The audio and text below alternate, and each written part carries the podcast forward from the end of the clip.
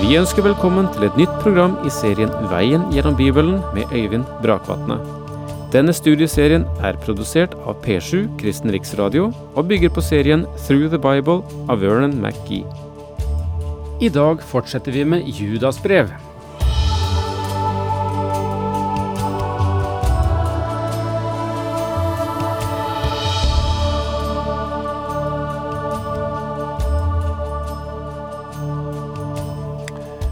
Det Judas konsentrerer seg om i sitt brev i vesentlig grad, det er å fortelle om frafallet over menigheten.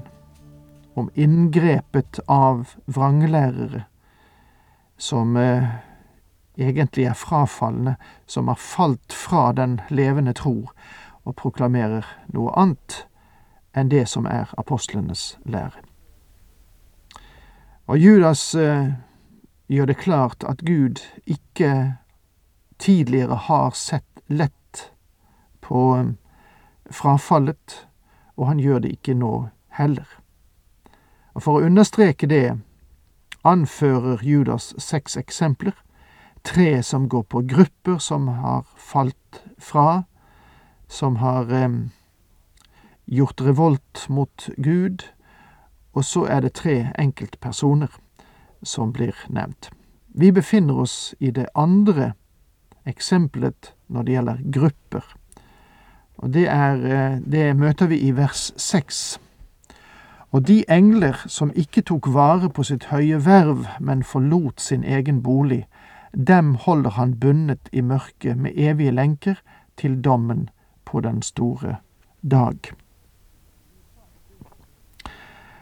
Vi sa en del om dette sist, og jeg gjorde oppmerksom på at det virker som det er to grupper engler, eller englevesener, det er eh, tale om når det gjelder de som har møtt frafallet, eller tatt del i frafallet. Og det er engler som tas vare på, som er bundet, men det finnes også en annen gruppe som er i funksjon. Og det er her vi kommer inn under annet spørsmålet om demoner, demonisme. Og det, det, er altså den andre gruppen med falne engler. Det er demonene som fungerer i dagens verden. Og demoniske krefter, det er en realitet, selv om jeg personlig er av den oppfatning at de både overbetones og mistolkes i visse kretser. Åpenbaringsboken har flere henvisninger til dommen over falne engler. Og det står i Åpenbaringen 20 vers 10, og djevelen som forførte dem, ble kastet i sjøen med ild og svovel, hvor også dyret og den falne profeten er. Der skal de pines dag og natt i all evighet. Dette er en henvisning til helvete, som er ildsjøen. Ild er et svakt symbol på hvor forferdelig det blir. Men vi får bare være klar over at det er åndelige skapninger som blir nevnt her, og ild, slik vi kjenner den, vil ikke ha noen virkning på åndelige skapninger. Vi lærer også gjennom dette verset at djevelen ikke er i helvete i dag. Mange tror at han er der nå, men i stedet er han ganske flittig i våre byer og bygder. Og han har en ganske stor armé av hjelpere, både overnaturlige og naturlige. Mange mennesker hjelper ham kanskje uten selv å vite det. Djevelen vil også være ansvarlig for de fryktelige forfølgelser av troende, og spesielt når det gjelder Israel under den store trengselstid i de siste dager.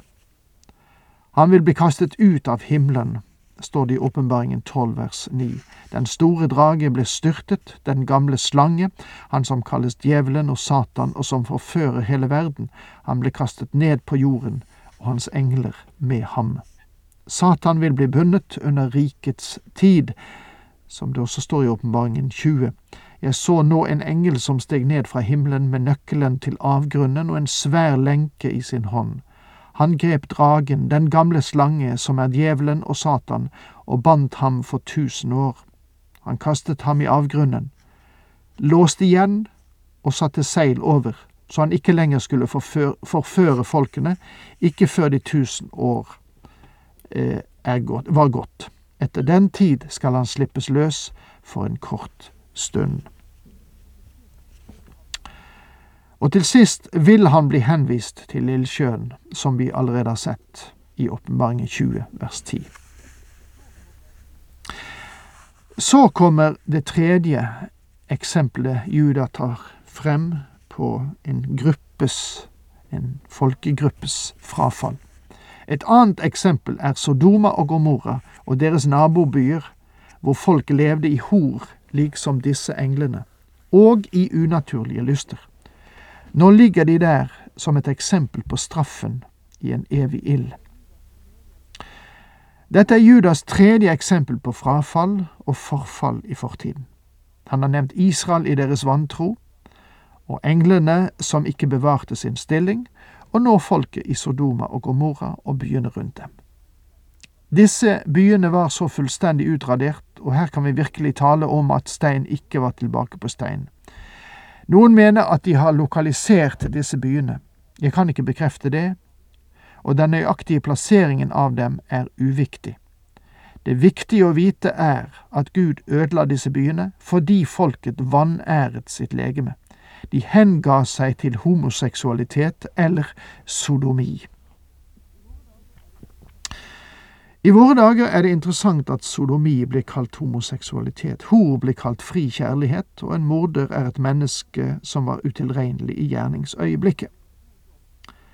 Satan gjør en god jobb med å indoktrinere verden med et nytt vokabular. Men vi kan ikke komme unna Guds syn på de faktiske forhold ved å bytte navn på dem. Det faktum at Gud har dømt mennesker i fortiden fordi de ikke har båret ansvar for sin seksualitet, uansett hvordan den måtte arte seg, så bør det være en advarsel til vår generasjon. Gud vil dømme enhver sivilisasjon som beveger seg for langt i denne retningen, og jeg undrer meg på hvordan fortsettelsen vil bli. Likevel gjør disse menneskene det samme. Drevet av sine syner tilsøler de sitt legeme, forakter den myndighet som er over dem, og spotter englemakter. Disse lærere i menigheten som forvrenger sannheten og selv lever som frafalne, skal vi være oppmerksomme på. Som Judas sier det i vers fire, så har de sneket seg inn. Det betyr at de kom inn sidedøren, de kom inn i, inn i menigheten på falskt pass. Deres trosbekjennelse var en annen. De ga seg ut for å være noe de ikke var. Det er fire kjennetegn på disse frafalne lærere som Judas gir oss i dette verset. For det første, de er drevet av sine syner. Og legg merke til at det står syner, ikke synder. De er drømmere. Det betyr at de lever i en urealistisk verden, en verden som ikke eksisterer. Min følelse er av og til at også visse teologer har sluttet å håndtere virkeligheten. Liberalismen kan være ganske romantisk, den virker så bra på papiret. Det er hyggelig å løse alle problemer gjennom positiv tenkning, men glem ikke at det er stor kraft også i negativ tenkning. Vi trenger sannelig i dag å lære å si nei like mye som vi sier ja. De er drømmere i kraft av at de ikke vil møte virkeligheten. Og nå tenker jeg på virkeligheten slik Bibelen skisserer den. I dette tilfellet vil det bety at de drives av sine syner. Legg merke til av sine syner, men ikke av Guds syner. Det andre Judas sier om disse frafalne lærere, er at de tilsøler sitt legeme.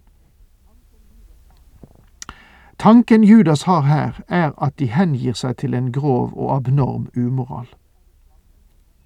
Dette er det samme som den hor innbyggerne i Sodoma og Gomorra levde i, og som Judas allerede har nevnt. Disse lærerne snek seg inn i menighetene for å få dem til å godta i samfunnet det som Guds menighet åpenbart ikke kunne godta uten å si farvel til vesentlige sider av sin bekjennelse. Og den Gud som ikke sparer engler, vil heller ikke spare mennesker. Judas gir oss en rekke eksempler som forteller at Gud også vil dømme vår nye moral. Den er verken ny moral eller ny umoral. Det er ikke noe nytt ved den. Det er sagt at djevelen skifter ikke karakter, han bare skifter masker. Og det er sant om synden i verden. Det som foregår i vår moderne tid, går tilbake til Sodoma og Gomorra og tilbake til tiden på Noas dager. For det tredje, disse frafalne og forvrengte lærere, de også forakter den myndighet som er over dem, som betyr at de vil være sin egen autoritet. Dette dreier seg både om politisk autoritet, men også åndelig autoritet.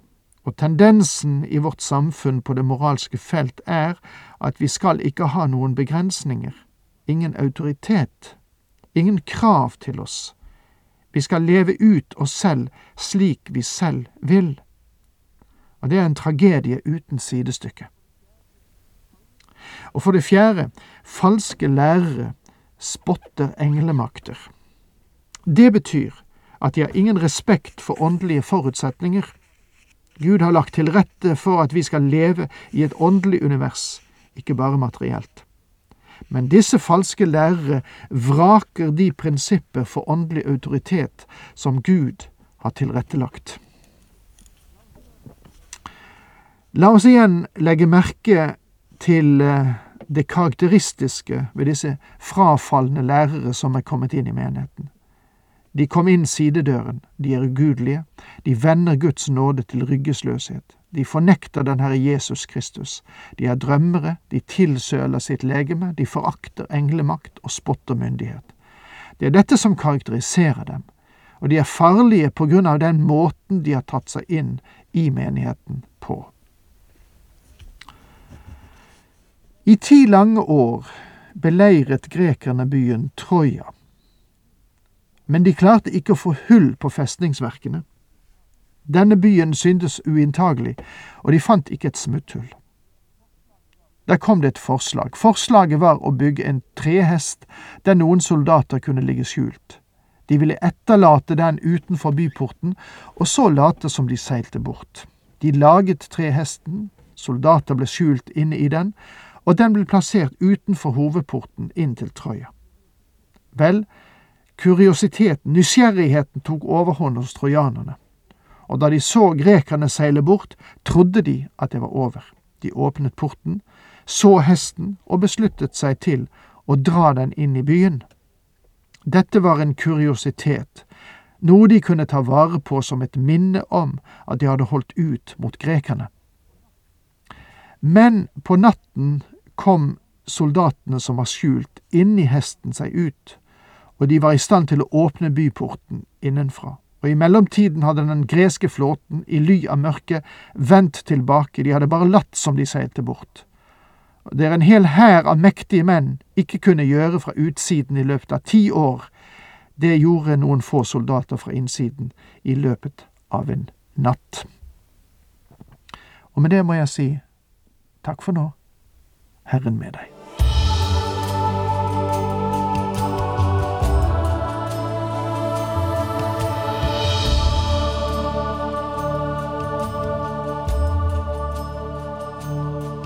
Du hørte Øyvind Brakvatne i studieserien Veien gjennom Bibelen. Serien bygger på et manus av Vern McGee. Har du spørsmål eller kommentarer til programmet, kan du sende en e-post til vgb krøllalfa p7.no.